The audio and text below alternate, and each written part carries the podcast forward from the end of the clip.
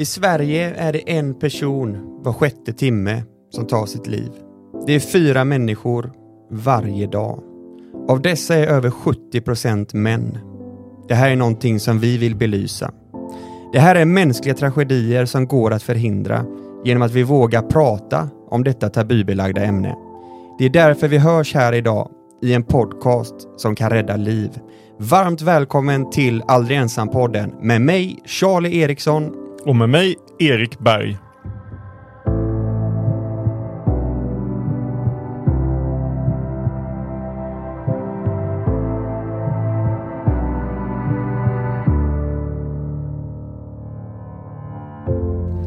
Mitt namn är Charlie Eriksson, 32 år gammal, grundare av organisationen Aldrig ensam. Jag heter Erik Berg. Jag är 34 år gammal och eh, före detta fotbollsspelare.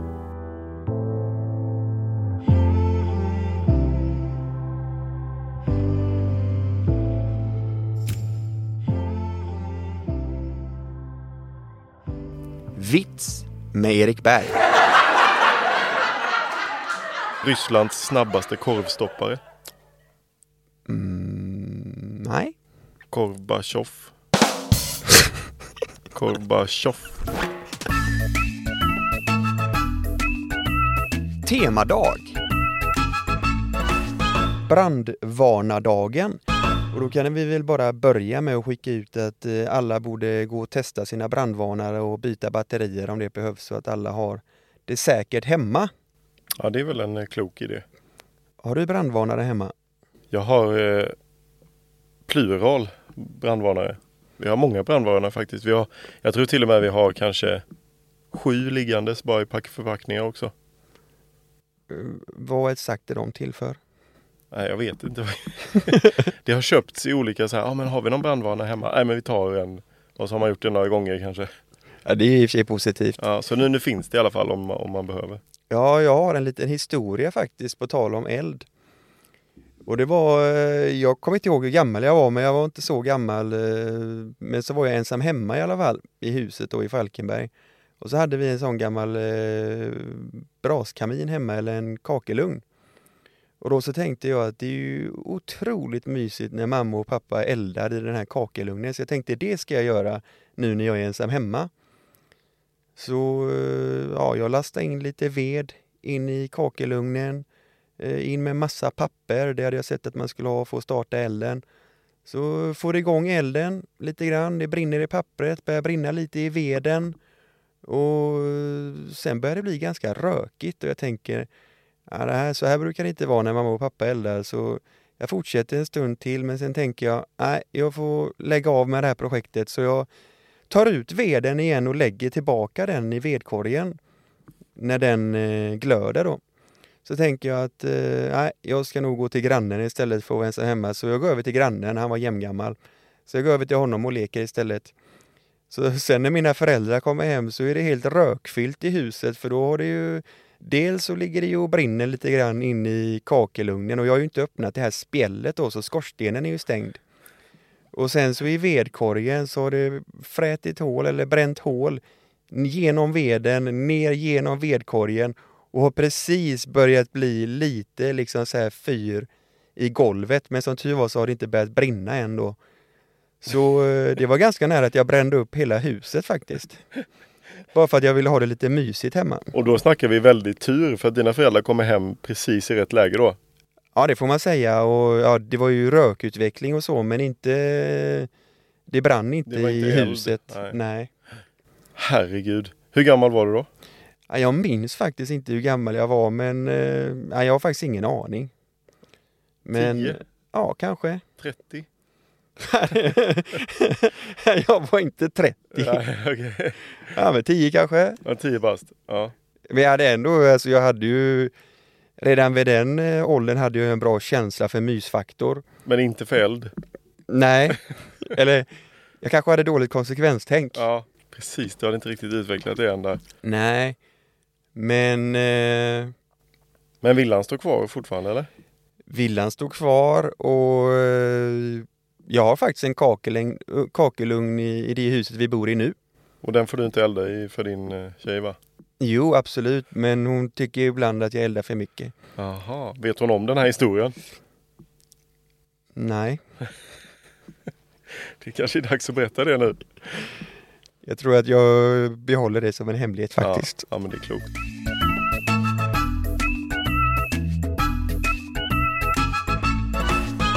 Stort tack till Mekonomen som gör det möjligt för oss att få fler att prata om psykisk ohälsa via den här podden.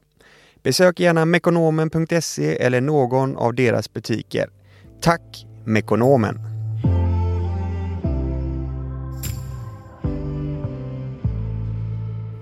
Hallå, hallå Erik! Hej Charlie! Hur är läget?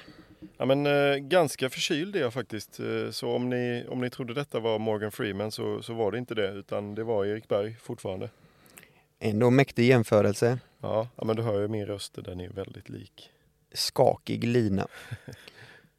Vad har du gjort sen senast då? Vad har jag gjort sen senast? Jo, jag har varit i Umeå, Piteå och Uppsala. Ja. Eh, Tillsammans med min fru och Carolina Gynning. Eh, Mitt numera tjejgäng. Det är jag, eh, Carolina Gynning, min fru och vår tour manager Linda. Så vi eh, har ett tjejgäng och vi är ute på turné med deras show. Och så går vi på spa emellan och lite sånt där. Eh, Vi har det väldigt mysigt, pratar känslor och dricker champagne. Det låter ju som en dröm. Ja, det är, det är väldigt trevligt faktiskt. Sen är jag ju faktiskt med på scen lite också. Jag har ju blivit en artist på senaste. Ja, hur kommer det sig? Eller vad, vad har du att göra på en scen? Ursäkta frågan. Nej men jag ställer ju upp för familjen. Eh, Behöver min fru mig på scen så, så ställer jag upp. Och det är ju ett, eh, ett kortare nummer men eh, ett Ack så viktigt kanske? Ja, det, det beror på hur man ser det. Men, men jag, ja, det, jag kan säga som så här. Det innefattar ett par glitterkalsonger och en tårta. Bra start. Ja, så att eh, sen får man ju lägga ihop ett och ett där och se. Får man ju, lyssnarna får undra vad som händer där lite. Ja, men det låter ju helt fantastiskt. Vilken vecka det låter som. Ja, men jag har haft kul. Det var, det var väldigt kallt där uppe men, eh, men jag trivdes. Vi, hade, vi tog en lång promenad jag och Karina och Carolina till eh, gigplatsen och min mustasch frös. Så att jag var jättevit i, hela facet. Åh jäklar. Så att, nej, det var trevligt. Hur är det att ha mustasch? Du har aldrig haft det eller? Nej. Nej. Ja, det är ju det är väldigt eh, skönt för att man känner sig inte så kall på, på det området mellan näsan och munnen. det är väl det då. eh, annars så är, det, så är det inte så stora känslor att ha en mustasch. Det låter inte jättemäktigt. Nej, det är ju inte det egentligen. Alltså jag har inte någon sån här Magnum-mustasch heller. Det- jag har inte jättebra skäggväxt. Det är lite fläckigt och sådär. Men ja, jag försöker. Jo, men jag tycker den är fin. Mm. Hur har du haft det då? Vad har du gjort? Nej, det har varit ganska lugnt. Jag är ju i en, hyfsat i en bebisbubbla fortfarande, så hemma Ja. och, och, och umgås med lilla Alfred. Hur mår Alfred då? Jo, men han mår bra. Han eh, gör det han ska. Han sover, äter och skiter. Jag har ju fått träffa honom en gång. Det var en eh, härlig prick. Ja, han... Eh, det hintas ju om att du önskar att bli gudfar. Ja, men hintas hintas. Jag förväntar väl mig, mig det. Ja, så är det. Det är alltså en rak förfrågan. ja. ja, sen får vi se vad din dam där känner kring det. Men, Jag men lovar, du, att, vet, du vet att jag finns här i alla fall. ja, jag lovar att ta upp detta hemma. Ja. Nej, så det, det har varit en bra vecka tycker jag. Och eh, det är ju mycket känslor och, och bli pappa för första gången. Men jag, jag tycker det är, det är underbart att få känna känslor och, och känna att man är levande. Har det förändrat dig mycket, tycker du redan? Eh, nej, det skulle jag inte säga, men eh, däremot så börjar man förstå den här kärleken eller känslan eh, som folk säger att man inte kan beskriva utan man måste uppleva just till sitt eget barn då. Och det är häftigt eh, just att det, det känns väldigt konstigt att det är liksom en del av en själv och ens, eh, ens partner att shit, det här är vårat barn. Mm. Och det är en otrolig känsla Mm. och helt fantastiskt. Ja, det, och det blir ju också aldrig tråkigt. Det kan Nej. vara jobbigt som tusan i perioder, men det blir aldrig tråkigt. Nej, jag menar jag tycker det är spännande att sitta och kolla när han sover och det är en sån grej man inte hade föreställt sig innan att sitta och kolla på någon som sover känns ju inte superspännande. Men rätt som det är så händer det någonting, han rör på en hand eller han ler lite i sömnen eller vad som helst och då, då är man där och dokumenterar det i huvudet som en Ja. liten händelse. Ja, det är så roligt att man liksom kan sitta och titta på dem eh, hur länge som helst. Ja. Vad är ditt bästa tips nu då? Du är ju tvåbarnsförälder plus en. Så Ja. trebarnsförälder. Ja, ja, men det är ju... känns konstigt nästan när du säger det, men det, det är man ju. Småbarnsförälder. Men jag... eh, Mitt bästa tips är nog att bara vara med dem mycket. Alltså, inte, det är inte så noga vad man gör. eh, Utan bara man är med dem. Det känns som att det finaste man kan ge sina barn är sin egen tid och Ja. engagemang. Ja, det spelar ingen roll om du åker på en eh, resa till Maldiverna eller om du eh, sitter i tvättstugan och tittar på tvättmaskinen. Jag, jag, jag tror väldigt mycket på det där att man, man ska bara vara med sina barn. Och en sak jag gillar det är ju att helt eh, släppa taget om sitt, sitt andra liv som man tror att man ska tillbaka till men man, det, är liksom, det är helt fel att, att sikta på att man ska komma tillbaka till något liv som man hade innan. Det, så är det ju inte. Man, man har ett helt nytt liv nu och det, det är bara att acceptera det där och, och lära sig att älska det nya livet. För det, och det gick väldigt fort för mig för jag, jag släppte det mesta som jag tyckte var viktigt innan eh, är inte så viktigt längre. Det där är en intressant, jag ser en koppling just där med komma tillbaka till sitt gamla liv. Det är ju någonting som många frågade mig eh, när jag började bli bättre från min psykiska ohälsa och sådär att Ja men känner du att du har kommit tillbaka till ditt gamla liv igen? Och då brukar jag säga det att det hoppas jag verkligen inte för det var ju mitt gamla Mm. liv som gjorde att jag blev sjuk. Precis. Alltså att det var för mycket stress och krav och höga ambitioner och hela den biten så ibland så är det absolut inte det man ska göra utan man ska forma en ny livsstil och en Mm. ny hållbart liv istället för det som man hade en gång. Precis, det är så klokt. Jag tror många går bort sig i det där att man snurrar in sig att man ska hitta tillbaka till sitt, eh, sitt gamla liv. Eh, Speciellt i småbarns eh, åren där. Det är ju inte det att gå till att försöka hitta någon väg tillbaka till ett sånt liv. Det är ju det är bara jag tror det bara är fel väg att gå. Jag, jag tror väldigt mycket på att omfamna det nya. Vad tror du att dina barn kommer bli när de blir stora? Jag hoppas att de kommer bli trygga och glada. Men vad de kommer göra vet jag inte. Det är... Om man ska se till vad de gör nu så kommer Otto kanske bli någon typ av riddare. Och Juno kanske kommer bli eh, eh, någon sån här eldslukerska eller någonting. Hur är, jag funderar bara på, det är ändå 2023, hur är arbetsmarknaden för riddare idag?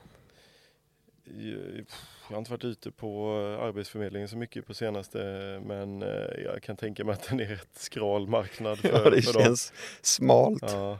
Nej, men han uppskattar sköldar mycket. Han vill ha sköld. eh, Kravallpolis kanske? Ja, det kanske är all skit i världen. Han vill bara eh, mota bort. Skydda sig. Ja, jag vet inte men, men han, eh, ja, om han inte blir riddare då, då får vi hitta på någonting annat. Men eh, jag tycker han kan satsa på det i alla fall. Ja, spännande. Det finns ju sådana här turnéspel eller vad Ja, det heter som man kan jobba med. Det är kul. Det fanns i Slöinge någon gång. eh, Ja. Kommer jag ihåg. Minns du det? ja. Det var någon sån, eh, det var ju, det var ju mäktigt alltså. Fick man en sån i kartong, en Jajamän. hjälm i kartong. Blå och silvrig var min. Mäktigt ju. ja, det var en upplevelse. Det är för lite turnerspel nu för tiden. Ja, det är någonting man borde ta upp. Aldrig ensam turnerspel. Turnerturnering. Ja, fasen det kanske är någonting.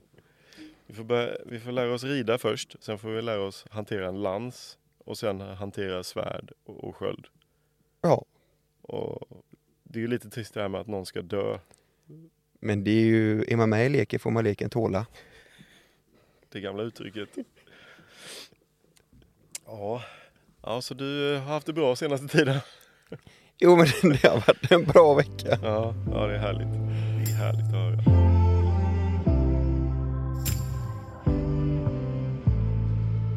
Ja Charlie, jag vet ju lite om, om din resa men du skulle, skulle kunna berätta om varför du startade Aldrig ensam egentligen och hur, hur du kom eh, fram till det egentligen. Själva bakgrunden till att jag ville starta någonting i stil med Aldrig ensam var ju att jag själv var sjuk i psykisk ohälsa i form av depression, panikångest och självmordstankar och gjorde flera självmordsförsök. Och det jag saknade när jag var sjuk var en historia att relatera till, alltså en annan person som delar med sig av sina erfarenheter av psykisk ohälsa. Och när jag sökte runt på internet efter detta så hittade jag ingenting. Det var bara ett stort svart hål. Det fanns ingen eh, person att se upp till eller liknande eller som hade varit med om något liknande. Och det var egentligen det här stora svarta hålet som gjorde att jag kände mig så otroligt ensam i min kamp mot den psykiska ohälsan att jag tänkte att det är bara jag i hela världen som är drabbad av detta för det verkar ju inte finnas någon mer som lider av de här besvären. Och det var väl framförallt den känslan av ensamhet som jag ville få bort och göra någonting åt att nästa person som drabbas ska kunna ha min historia att relatera till och kunna läsa vad jag har gått igenom för att finna dels motivation och tröst och hopp i min historia men även att eh, de absolut inte ska känna samma ensamhet som jag gjorde utan att man tvärtom ska få reda på att det är otroligt många som varje dag kämpar mot den psykiska ohälsan. Så det var väl egentligen själva fröet som såddes som gjorde att jag ville skapa någonting kring just psykisk ohälsa och en organisation då som belyser det här ämnet och, och helt enkelt försöka ta bort den skammen och tabun som råder kring, kring det här ämnet. Mm. För det var ju den här skammen framförallt som gjorde att jag inte vågade berätta för mina kompisar att jag var drabbad av psykisk ohälsa för jag var ju livrädd för hur de skulle reagera om jag skulle berätta något sånt och i mitt umgänge så pratade vi inte så mycket om känslor och liknande utan vi var vana vid att eh, varje person klarar sig själv och, och liksom att man redde ut sina problem på egen hand. Och det är ju en supervanlig kultur i umgängeskretsar så det var ju inget unikt. Och för min del så, så var helt enkelt skammen det som gjorde att jag inte vågade berätta att jag var sjuk i en kombination med okunskap. Ja. Att jag inte visste så mycket om psykisk ohälsa, om depression, panikångest, eh, självmord och liknande. För det var ingenting som jag hade upplevt i, under min uppväxt eller som jag hade tagit del av i min familj eller släkt utan det här var helt nytt för mig och det var ingenting jag hade lärt mig i skolan eller på någon arbetsplats utan det här var någonting jag var tvungen att, att lära mig mer om under tiden som jag eh, var sjuk i det. Och det var väl också en tanke jag hade att varför har inte alla i Sverige en grundkunskap kring psykisk ohälsa när det är så otroligt vanligt förekommande att folk drabbas? Så det är ju en grej vi jobbar med på Aldrig ensam, att vi är ute i idrottsföreningar och utbildar barn och unga för att de ska ha en grundkunskap om psykisk ohälsa och liksom rusta nästa generation inför framtiden. För det var ju någonting jag själv saknade när jag blev sjuk också, just den här grundkunskapen, att känna igen varningssignaler för depression, känna igen vad är en panikångest, att ha vetskap om vart söker jag hjälp om jag har depression, panikångestattacker eller då självmordstankar för den delen. Så det var ju den här bristen på kunskap, känslan av skam och allt detta i en kombo som gjorde att jag vill eh, göra en förändring och, och skapa någonting som skulle göra det enklare för nästa person helt enkelt som drabbades av psykisk ohälsa. Och Aldrig ensam har väl blivit en typ av mötesplats för, eh, för folk som, som lider nu eh, och där de kan identifiera sig med andra personer som, som är i samma situation och dela med sig av tips och, och råd och, och sådär. Så skulle man absolut kunna beskriva det. Det har ju blivit en mötesplats på internet helt enkelt där människor delar med sig av sina historier och finner tröst och motivation i varandras både likheter och olikheter vad det gäller deras kamper mot den psykiska ohälsan. Framförallt kanske att man inte känner sig ensam i, i sin situation. Verkligen och också att eh, det ges hjälp att kunna sätta ord på sin situation för psykisk ohälsa är ju någonting som är abstrakt. Det går inte att ta, eller, ta på eller se utan det är någonting som måste förklaras och beskrivas med ord. Och har man inte då det vokabuläret så är det otroligt svårt att beskriva så att en annan person ska få exakt den känslan eller bilden som du själv upplever. Och genom att läsa om andra och höra andra så kan man få hjälp med både språket och passande ord som beskriver den eller de upplevelserna som man själv går igenom. Mm. Ja, det är en otroligt eh, fin organisation du har skapat där. Eh, men om vi, om vi spolar tillbaka lite och eh, går till din egen resa. Vad, när i tiden var detta du insjuknade?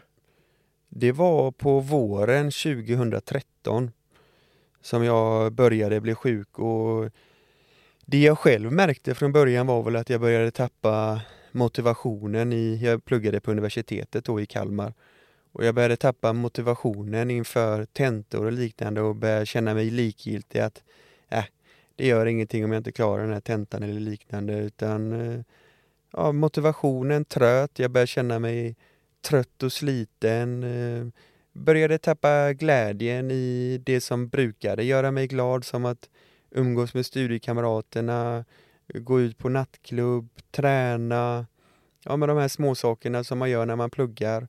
Och jag förstod inte då varför jag kände de här känslorna utan eh, det blev bara en konstig situation helt enkelt. Och sen så blev det att det utlöstes i panikångestattacker. Och det var ju otroligt obehagligt och det var någonting som jag aldrig hade varit med om något liknande tidigare. Går det att beskriva de känslorna?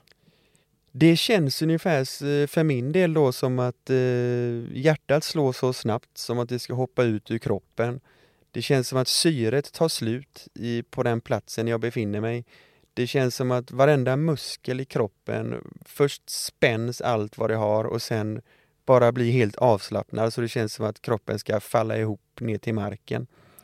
Och man får tunnelseende vilket gör att det blir ju som att jag, om jag är i ett rum så blir det som att rummet krymper och kommer närmare mig. Och så blir det otroliga svettningar och obehagskänslor, stort ångestpåslag. Känns som att eh, helt enkelt som att kroppen gör sig redo för att eh, dö helt enkelt. Och, då, och första gångerna det här, du upplevde det här, vågade du berätta för någon om det då? Eh, nej. Första gången som jag kände detta så var jag ute i stan i Kalmar. Jag hade varit ute på eh, nattklubb. och när jag hade varit, eh, när jag skulle gå från ena umgänget där och möta några andra kompisar så eh, ja, fick jag ju en, en panikångestattack då. Jag fattade ju inte då att det var en panikångestattack men det var det jag fick. Och då ringde jag 112 och tänkte att eh, alltså ni, ni måste skicka hjälp, jag håller på att dö här. Eh, ni måste skicka en ambulans eller vad som helst för det, min kropp eh, den lägger av nu och, och, jag behöver hjälp och jag behöver komma till sjukhuset. Men eh, den här eh, kvinnan eh, som svarade på 112 hon hade en helt annan uppfattning än vad jag hade. Hon eh, eh sa bara att eh, du, det låter som att du är, är berusad så eh, jag kan tyvärr inte skicka någon hjälp till dig utan om du känner att du har ont någonstans eller att du behöver hjälp så, så får du ringa en taxi eller liknande för att eh, komma till sjukhuset. Och då eh, blev jag ju otroligt besviken. För i min värld så ringer man ju bara 112 om det verkligen är akut och man behöver hjälp och och man inte kan hantera situationen själv. Och att jag då fick det bemötandet att nej tyvärr, vi kan inte ge dig någon hjälp Eh, då, det var ju det som eh, gjorde att jag senare tog överdoser med medicin istället för att faktiskt ringa 112 och söka hjälp för att jag, det jag lärde mig av det samtalet var att okej, okay, det här som jag känner och går igenom, det är ingenting som man får hjälp för utan det är någonting som man får klara på egen hand. Så tyvärr så var det ju det som triggade igång att jag försökte ta hand om det på egen hand sen så mm. redan eh, dagen därpå, den första där var på en fredagkväll och redan på lördagen, dagen efter, på kvällen så fick jag nästa panikångestattack. Och fortfarande så då hade jag ju ingen aning om fortfarande att det var panikångest det handlade om, utan jag tänkte bara åh herregud, nu håller jag på att dö igen och nu, nu lägger hjärtat av och nu är det kaos i kroppen. Och det enda jag tänkte på var ju det här samtalet kvällen innan att okej, okay, ringer jag 112 då får jag ingen hjälp utan då kommer jag få klara det här själv. Så hur ska jag klara det här själv?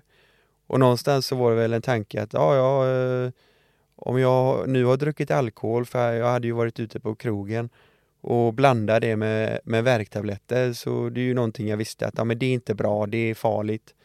Så om jag tar de här värktabletterna och, och det blandas med alkoholen jag har i kroppen så kanske jag kan ringa igen och inte säga bara det här som har hänt med, med panikångestattacken utan också säga att jo, också har jag fått i mig eh, värktabletter som är blandade med alkohol. För då tänkte jag, då kanske de inte kan säga nej till hjälpen utan då kanske de måste ta in mig till sjukhuset så att jag får hjälp. För jag ville ha hjälp och det var det jag sökte. Och det fungerade. Eh, för tydligen så fick de inte säga nej då när det var ja, både värktabletter och alkohol och grejer inblandade. Så då kom det en ambulans och hämtade mig i min lägenhet här på natten och körde mig till akuten. Och eh, ja, där fick jag ju vård och så då hela natten. Det var, jag hade inte fått i mig några större mängder så det var inget livshotande utan eh, jag fick behandling med, man får dricka kol för att neutralisera medicinen och ja, de sätter in lite olika dropp och sånt för att stabilisera värdena i kroppen. Eh, men det som var väldigt bra där var att jag kände att ja, men nu får jag hjälp, de tar mig på allvar och redan dagen därpå så fick jag ju träffa en psykolog då för första gången på sjukhuset. Och det var ju otroligt skönt att få någon att prata med om det jag kände och upplevde. Även om jag fortfarande inte hade en aning om att det handlade om psykisk ohälsa så var det väldigt skönt att prata med någon. Mm. Och eh, den eh, dagen därpå också då så kom ju mina föräldrar till sjukhuset och mina bröder. Så då fick jag ju försöka förklara för dem vad det var som hade hänt också. Och det var också svårt för i, på sjukhusspråk och det som de antecknade var ju att jag hade gjort ett självmordsförsök men för mig var det ju ett rop på hjälp att jag ville ju bara in i vården. Eller jag ville få hjälp med vad det nu än var jag upplevde. Eh, så för mig så blev förklaringen lite till eh, mina föräldrar och bröder där att jag vet inte riktigt vad som hände utan det blev en panikartad situation och så fick jag i mig de här tabletterna och jag hade ingen avsikt att försöka ta livet av mig utan eh, jag ville ha hjälp och, och nu får jag hjälp. Eh, men det var väldigt, väldigt svårt att, att försöka förklara det för, ja, hur var det för min familj. Ja, hur var det att prata med din familj där? Eh, hur, hur reagerade de på hela situationen?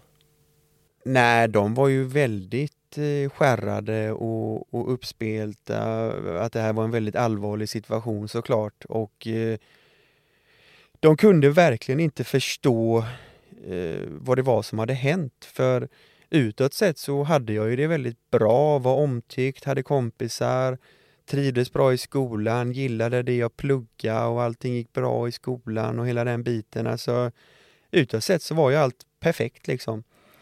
Eh, så de började ju diskutera sinsemellan, inte med mig då, utan jag vet att de hade samtal med varandra om vad det här kunde bero på, om det kunde vara någonting med, för de visste att jag festade en del så de tänkte, ja kan det vara mm. att det är droger eller att han har dragit på sig någon skuld till att han har köpt droger för pengar som jag inte hade eller om jag hade spelmissbruk eller eh, ja, överhuvudtaget att jag var skyldig någon pengar eller liknande tänkte de. Det kanske är något i den stilen med tanke på min livssituation då. Jag var ju student och så. Men eh, Nej, min relation till droger är att jag aldrig har provat en enda drog förutom ja, alkohol, eh, cigaretter och snus då. Så eh, droger var det absolut inte och eh, spelskulder var det inte heller för jag, jag har alltid haft en sund relation till spel eller rättare sagt jag spelar aldrig nästan. Så, eh, och jag hade inga skulder till någon utan eh, nej, det här var ju något annat som vi inte kunde sätta fingret på just då. För det var liksom ingen traumatisk händelse eller mm. någon sån här livsomvälvande situation som hade hänt utan när läkarna och psykologerna började göra sina undersökningar och, och skötte sitt jobb så, så var det ju helt enkelt en en väldigt svår utmattningsdepression i kombination då med panikattacker och eh, ja, med självmordstankar. Då. Eh, och eh, jag kommer ihåg första gången när jag fick diagnosen depression, läste på ett papper då jag hade fått av läkaren för jag blev sjukskriven. Och då tänkte jag bara, alltså depression, det är ingenting som jag har, det är ingenting som jag drabbas av jag är inte den typen av person som är deprimerad. Alltså det, jag är ju bra på saker och liksom framgångsrik eller vad man ska säga, så höga betyg och hela den biten och duktig socialt och hela den biten. Jag är inte deprimerad, jag, jag är inte den typen av person, absolut inte. Nej. Så det blev en väldig konflikt i mitt huvud när jag läste den där diagnosen att du har en depression. Jag tänkte bara nej, alltså det här, det här verkar konstigt och då sökte jag lite ja, men på nätet då om depression och jag bara, ja, jo. Alltså när jag läser symptomen och det, det stämmer ju faktiskt väldigt bra in på det jag har känt den, den senaste tiden och, och det är ju faktiskt alla rätt så att säga på symptomen. Och det var, men det, jag hade väldigt svårt först att acceptera just diagnosen för jag tänkte att nej, jag är ingen depression, jag är en glad person som, som liksom har det bra i livet. Jag är, jag är inte deprimerad. Hur många tror du upplever det så? Jag tror att det är, eller framförallt så tror jag att det är väldigt många som har en bild av, eh, det vill säga hur en deprimerad person ser ut eller är, eller man tänker mm. att det är en viss typ av personer som blir deprimerade. Men det kan ju faktiskt drabba precis vem som helst och det har ingenting med det att göra om ja, vad man har för intressen eller liknande eller vad man lever för typ av liv utan en depression kan trängas in precis överallt. Mm. Och detta hände ju i maj, slutet på maj. Så sen var det ju, så jag sa ju inte till mina studiekamrater att jag hade varit på sjukhuset utan det var bara utskrivning och tillbaka till skolan och hålla uppe fasaden då mot mina studiekamrater. Skämdes du över det? Ja, absolut. Jag kände enorm skam och framförallt så visste jag inte vad jag skulle säga. Nej. Eftersom att jag inte kunde jag kunde liksom inte identifiera mig med psykisk ohälsa och depression och panikångest och liknande utan jag kände bara Nej, jag jag väljer att vara tyst. Jag väljer att hålla det här hemligt för jag visste liksom inte vad det var. Nej. Så det var väl också en, en rädsla genom okunskapen att jag, jag vet inte ens själv vad det är jag går igenom och då är det svårt att beskriva för någon annan. och sen så blev det ju sommarlov och då skulle jag hem till Falkenberg över sommaren. Och då hade jag ju sommarjobb på, på Shell 7-Eleven där jag hade jobbat tidigare. Och de cheferna kände jag sedan tidigare så då sa jag ju till dem att att jag var sjuk och att jag behövde vara sjukskriven på halvtid. Så jag var sjukskriven på halvtid hela sommaren eh, på grund av depression då och gick på behandlingar och psykolog och så. För jag hade ett mål den sommaren och det var att jag ska ta mig tillbaka så att jag är i form till augusti, slutet av augusti. För då skulle jag flytta till Nice i Frankrike och ha utlandsstudier i en termin. Och det var ju verkligen en dröm för mig. Jag tänkte ja, bo på franska rivieran i ett halvår och mm. bara sola, bada, ha det gött och ja, eventuellt plugga lite då. Det var ju perfekt. Mm. Så jag hade ju ett mål som gjorde att jag kämpade hela sommaren för att komma tillbaka. Och när det väl blev slutet på augusti så fick jag klartecken från läkaren att, eh, ja men du kan eh, åka ner till Nice och prova och plugga där. Du är i tillräckligt god form för det. Så då packade jag alla mina saker och åkte ner till Nice och började med att jag skulle gå och kolla på några lägenheter, var jag skulle bo, eh, för jag hade inte löst det än. Så jag fick gå runt och kolla på lite lägenheter, jag var och besökte skolan och sen så checkade jag in på ett hostel där då, där man bor, ja, där man delar rum med, med okända helt enkelt. Och då hamnade jag i ett rum där med två tjejer från Australien som var väldigt trevliga. De var ute och backpacka i Europa. Så då hängde jag med dem en vecka och, och, och då kände jag bara att fasen, jag har inte riktigt samma energinivå som jag brukar ha och jag tror inte jag kommer orka den här utmaningen med att bo i ett annat land, att göra allting på engelska som jag är väldigt dålig på. Och ja, med hela utmaningen med att vara själv långt hemifrån helt enkelt. Så när jag spenderade mycket tid med de här två tjejerna från Australien så bestämde jag mig faktiskt för att jag ska nog bara ha två, tre veckors semester här, hänga med dem ett tag, ha lite roligt och sen ska jag ta mig tillbaka till Kalmar och, och plugga där istället. Och det var också, jag började fundera på jag började fundera på hur ska jag berätta för dem hemma varför jag är hemma? För de visste ju att det var min dröm att vara nere på franska rivieran. Men då hade jag sån enorm tur för en av mina klasskamrater var på utbyte i Thailand och valde att åka hem också. Och jag kommer inte ihåg exakt vad hans anledning var men, eh, ja, men något i stil med att ja, det var lite svårt i skolan med engelskan och sådär så jag tänkte jag kör samma. Så jag åkte bara hem och sa att eh, nej men ni vet hur det är. Fransmännen de är väldigt dåliga på engelska så det är därför jag är tillbaka i Kalmar nu och så hoppar jag på terminen där igen bara. Det var inga problem att vara tillbaka. Men så gick det bara någon vecka så fick jag ju en sån här panikångestattack till, tog återigen värktabletter, alkohol, ringde till ambulansen, fick åka in till sjukhuset eh, och fick behandling ut dagen därpå. Eh, fick träffa någon ny psykolog, tillbaka till skolan och sen gick det kanske två, tre veckor och sen var det ju, och då blev det ju helt ohållbart helt enkelt och då är det den här sista gången då när, som var en lördag då där jag började morgonen med att gå och skriva en tenta som jag inte hade hunnit plugga till. För hela den veckan hade jag legat utslagen hos mina tre bröder i Uppsala efter, efter att jag hade varit på den här sjukhusvistelsen tidigare då. Så jag hade inte hunnit plugga till tentan men jag var tvungen att gå dit och visa upp mig eftersom att det var ingen som visste att jag var sjuk så jag fick gå dit och göra mitt bästa helt enkelt. Så jag satt där i fyra timmar och chansade på frågorna och fikade. Och sen efter den tentan så hade jag lovat en tjejkompis Rebecka att jag skulle hjälpa henne att flytta. Så hela den eftermiddagen så hjälpte jag henne att flytta till hennes nya lägenhet. Och sen framåt kvällen så skulle jag cykla hem till min egna lägenhet och ja, jag hade redan tackat nej till den här tentaslasket som man har efter tentan där man festar för att fira eller sörja sin tenta. Och då tänkte jag, det där är inget för mig just nu utan jag ska hem till min lägenhet och vila upp mig inför kommande vecka.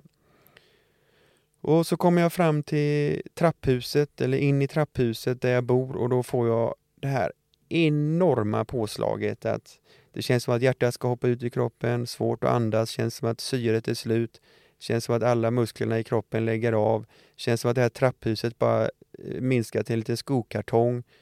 Och det känns som att jag håller på att dö där i trapphuset.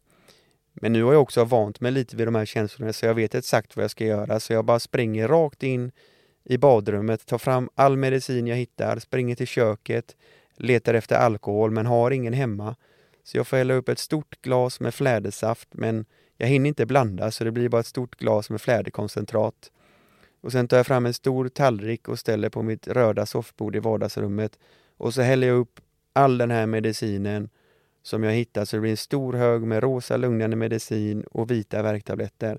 Och så ställer jag ner det här glaset med fläderkoncentrat. Och jag har fortfarande skor, jacka och högsta volym på musiken i hörlurarna. Och så sjunker jag ner i soffan där och så av någon anledning så tar jag en bild på den här högen med medicin och så skickar jag en bild till Patrik som var min närmsta vän i Kalmar och en bild till Rebecka, hon som jag hade hjälpt att flytta då. Och sen så lägger jag ner telefonen och så hugger jag in på den här högen med medicin. Så det är bara näve medicin, flädersaft, näve medicin, flädersaft, näve medicin, flädersaft. Till jag känner att jag inte får i mig ett enda piller till. Då tänker jag bara att de här sista pillerna kan jag lägga ner i min byxficka och sen går jag ut ur lägenheten. Så tänker jag att jag ska hoppa upp på min cykel och cykla in till stan då till Rebecka så att hon ska kunna hjälpa mig i det här tillståndet. Men kommer jag ungefär halvvägs in till stan då inser jag att nej, jag kan inte komma fram till Rebecka och berätta hur mycket medicin jag har i kroppen för då kommer jag ju skrämma livet ur henne och det ville jag ju såklart inte. Så jag viker av istället och börjar cykla ner mot ett liten småbåtshamn som var där i närheten av där jag bodde och där jag visste att vid den här tiden på kvällen så är det inget folk så där kommer jag få vara i fred. Så kommer jag ner dit och sätter mig på en av bryggorna och då är det som ett lugn som faller in över mig och då tittar jag på min telefon och så ser jag bara att hela skärmen är helt röd. Det är bara massvis med missade samtal. Och då när jag stirrar på den här röda skärmen så ringer det igen från dolt nummer. Så då svarar jag och då är det polisen i andra änden som säger att de har fått in flera samtal från både Rebecka och Patrik då att jag troligtvis har gjort ett självmordsförsök och att de inte vet var jag är någonstans. Och att de har resurser ute som letar efter mig. Men jag har inte för avsikt att gömma mig så jag säger till den här eh, polisen att jag är nere i Stensö fiskeläger i småbåtshamnen och att de kan skicka en polisbil dit. Så då skickar de en polisbil ner till hamnen så jag möter dem när de kommer där med full fart, blåljus, sirener på. Eh, så de packar in mig i, i polisbilen och så kör de till sjukhuset. Och väl inne på sjukhuset så går allting väldigt fort. Jag kommer in, lägger mig på en bår, de springer iväg med mig in i något rum och där är det bara massvis med slangar som kopplas in och de klipper upp kläderna och det är en otroligt stressig miljö och jag är en polis på varje sida som står och vakar över mig och personalen bara skriker över mig där jag ligger. Det är liksom ingen som pratar med mig längre utan allting är väldigt stressigt och går väldigt fort. Och sen kommer jag ihåg att, det, att jag blir väldigt trött inne i det här rummet och sen rullas det förbi en bår vid mina fötter med en äldre kvinna på. Och det är det sista som jag kommer ihåg för sen faller jag i koma. Och det är ju då som läkaren ringer till mina föräldrar och säger att eh, eran son Charlie har kommit in till akuten med poliseskort, eh, tablettöverdos. Vi har precis flyttat honom från den vanliga akuten till intensivvårdsavdelningen och vi har kopplat in hans eh, kropp i en respirator då han inte längre själv kan hålla den vid liv. Och då frågar ju såklart min mamma att eh, kommer han att överleva? Nej. Vi tror tyvärr inte att han kommer överleva så vi vill att ni skyndar er hit för att ta farväl. Så mina tre äldre bröder får skynda sig ner till Kalmar för att ja, säga hej då till sin lillebror och, och mina föräldrar får skynda sig ner till Kalmar för att säga hej då till sin yngste son. Och det tar några många timmar och dagar där med väldigt tung behandling där med respirator och allting och ja, men sväva mellan liv och död helt enkelt. Och sen när, när läget börjar bli stabilt, när läkarna har gjort ett fantastiskt jobb så vaknar jag upp där på intensiven och då är jag omgiven av ja, mina föräldrar och mina bröder och hela familjen är samlad. Och det är ett väldigt starkt minne jag har att vakna upp med hela familjen samlad runt mig och att vi verkligen kämpar och gör det här tillsammans. Och efter det så, när det inte längre är någon fara för mitt liv, så flyttas jag ju från intensivvårdsavdelningen till det som heter PIVA, det vill säga den psykiatriska intensivvårdsavdelningen. Och där får jag vara i några veckor på fulla restriktioner och högsta övervakning för jag var helt enkelt en, eh, en stor fara för mitt eget liv. Och de ville ha full uppsyn och ha mig inlåst helt enkelt. Och det var också en otrolig upplevelse att vara på en psykiatrisk intensivvårdsavdelning och jag är evigt tacksam för hur de tog hand om mig där och hur de hjälpte mig för de förstod att jag var svårt sjuk, att jag var en fara för mitt eget liv och att jag verkligen behövde den hjälpen som jag kunde få där. Och det var ju det som jag själv hade otroligt svårt att både förstå och acceptera att jag var så otroligt sjuk. För jag kände ju mig relativt pigg och liksom alert i huvudet och hela den biten så jag hade väldigt svårt att, att acceptera min psykiska ohälsa länge. Men fick otroligt bra hjälp och, och bra bemötande. Det var väl någonstans där du liksom, när du fick den där någon som lyssnade på dig, så lär det väl varit första stegen mot att, att förstå liksom för dig? Eh. Absolut, det var väldigt skönt att få ordentliga utredningar med allt som hade hänt. Få olika diagnoser som gjorde det enklare att behandla och veta vilken hjälp jag skulle få. Få rätt medicinering, rätt psykologkontakter. Eh, efter den här händelsen så fick jag ju sluta plugga. Eh, flyttade till Uppsala till mina bröder och bara fokusera 100% på ja, men mitt mående och min hälsa och mina behandlingar, vilket var, tror jag med facit i hand, var, var helt livsavgörande för min del att jag tog mig bort från allt och bara fokuserade 100% på min hälsa och min, eh, min väg tillbaka helt enkelt. Mm. Och det var ju i min väg tillbaka då som jag, som jag började skapa Aldrig ensam och börja jobba med det på riktigt. Så det var ju som en form av terapi ihop med någonting som jag tyckte var väldigt viktigt och roligt att arbeta med. Ja, hur, hur viktigt har Aldrig ensam varit för dig och ditt liksom, tillfrisknande tror du? Jag tror att det har varit helt avgörande faktiskt för dels har det gett mig en flexibilitet att kunna styra över min egen tid själv, vilket har gjort att jag har haft en väldigt bra hälsa sett till att jag har kunnat sova ut, jag har kunnat alltid se till att få bra med sömn på nätterna.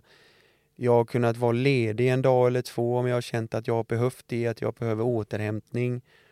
Och sen har det varit otroligt givande att alla dessa åren få hjälpa andra människor och få genom att prata om mina erfarenheter få andra människor att dels våga söka hjälp, att orka fortsätta kämpa och att man faktiskt är anledningen till att andra människor fortfarande lever och det är ju en väldigt eh, häftig känsla. Det förstår jag, för det, det var ju ändå nära där att du bara skulle bli en siffra i statistiken. Eh, och istället hade hela den här organisationen växt fram. Det är helt fantastiskt. Ja, det är väldigt små eh, marginaler som avgör vad, vad det blir eller inte. Ja. Du hade kunnat vara en av de där 1500 per år som försvinner från oss. Absolut. Eh. Och då hade man ju inte heller fått någon hjälp eller vad man ska säga av, av min historia eller mina erfarenheter utan då, då hade det troligtvis bara varit locket på och, och en person som var borta helt enkelt. Ja.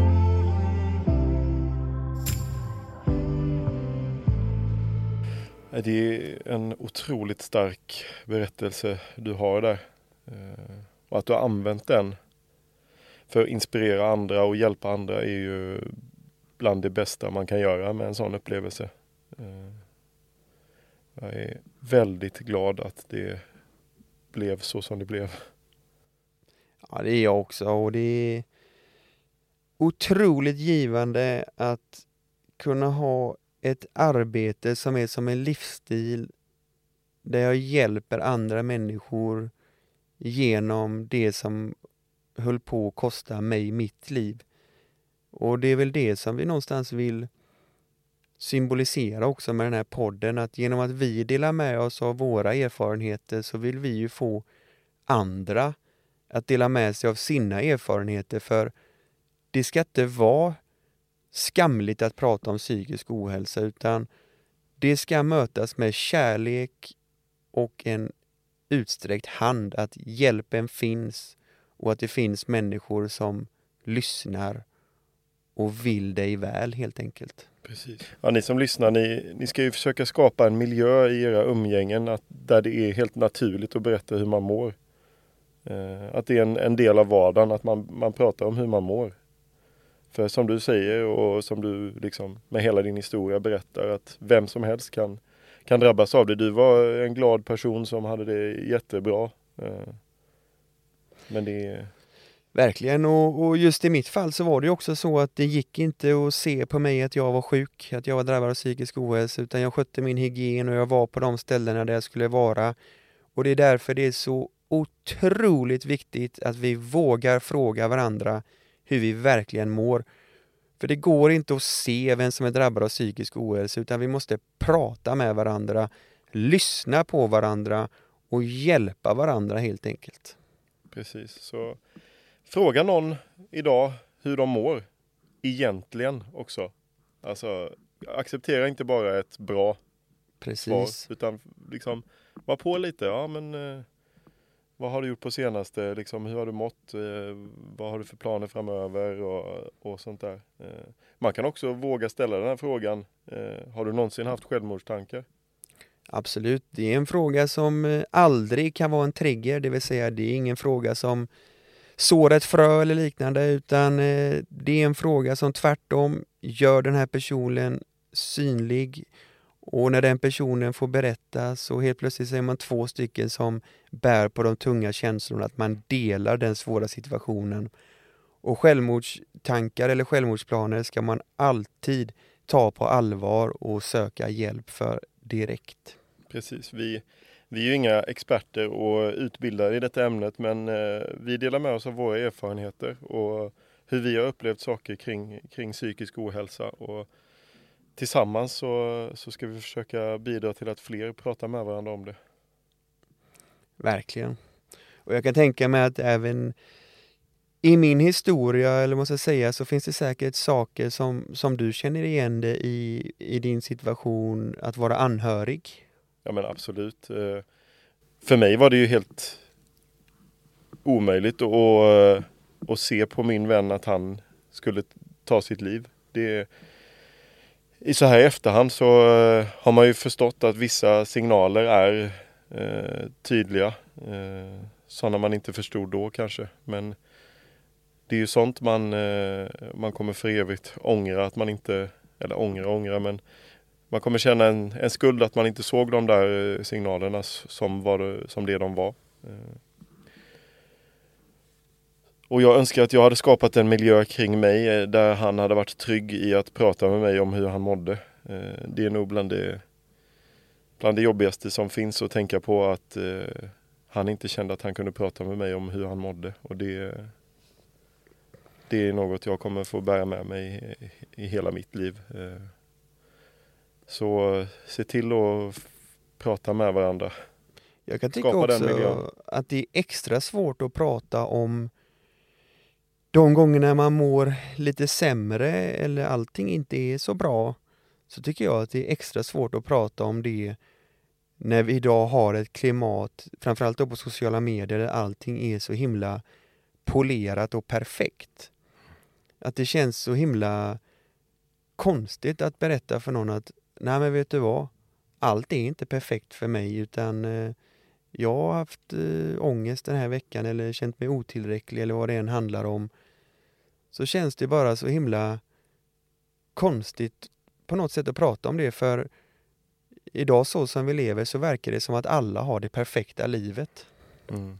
Ja men sociala medier bidrar ju till psykisk ohälsa, så, så enkelt är det ju. Det visar ju forskning på. Eh, och tyvärr är ju tendenserna på väg i fel riktning också vad gäller unga och deras psykiska mående. Så att uh, unga människor, ni ska lära er att prata med varandra. Det, det går inte att säga för många gånger. Nej, det är livsviktigt.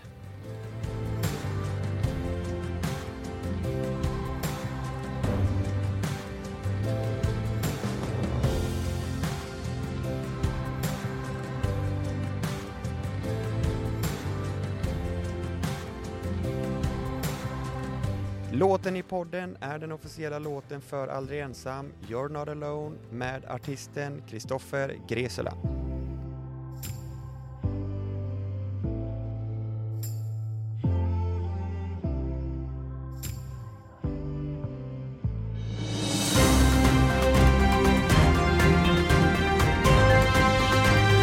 Vetenskapliga sanningar. För att säkerställa att ni som lyssnare går härifrån med eh, någon typ av viktig info så kommer vi nu vända oss till eh, de riktiga männen, experterna på Flashback och se vad de säger om psykisk ohälsa. För där vet man saker. Veckans sanning. Eh, den här mannen som skrivit det här, han vet verkligen vad en riktig man är. Riktiga män har något intresse de odlar. Det ska ha någon grej de är bra på och kan. Det kan vara klassiskt manliga saker som plattläggning och meka med bilar. Men också saker som spela musik, teckna, intressera sig för historia funkar. Den riktiga mannen letar inte efter kvinnor men kvinnor kommer i hans väg då och då. Han trivs med det han trivs med, undviker det han ogillar. Han bönar inte och ber eller gråter om att mitt liv är förstört när en kvinna lämnar honom. En riktig man vill inte ha någon som inte vill ha honom. En riktig man kan svinga en bägare men också sluta i tid och dricka utan att skämma ut sig. Så här säger eh, en som heter Binary Cis Person, märkligt nog. Det som utmärker en riktig man är att man luktar svett och diesel. Man snickrar, man spottar, snusar, man tittar på tips Tipsextra, man dricker sprit och öl, man idkar inte intellektuella aktiviteter. Man sprider sin säd vitt och brett. Man visar sällan känslor och man pratar verkligen inte om känslor. Då tackar vi experterna.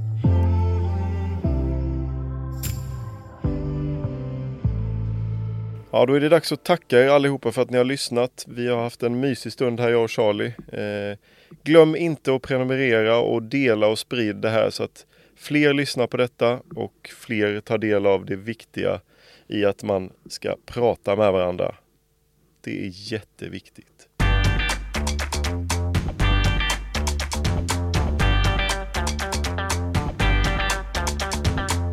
Karina Bergs visdomsord. Borde och måste är två små as som inte är bjudna på mitt kalas.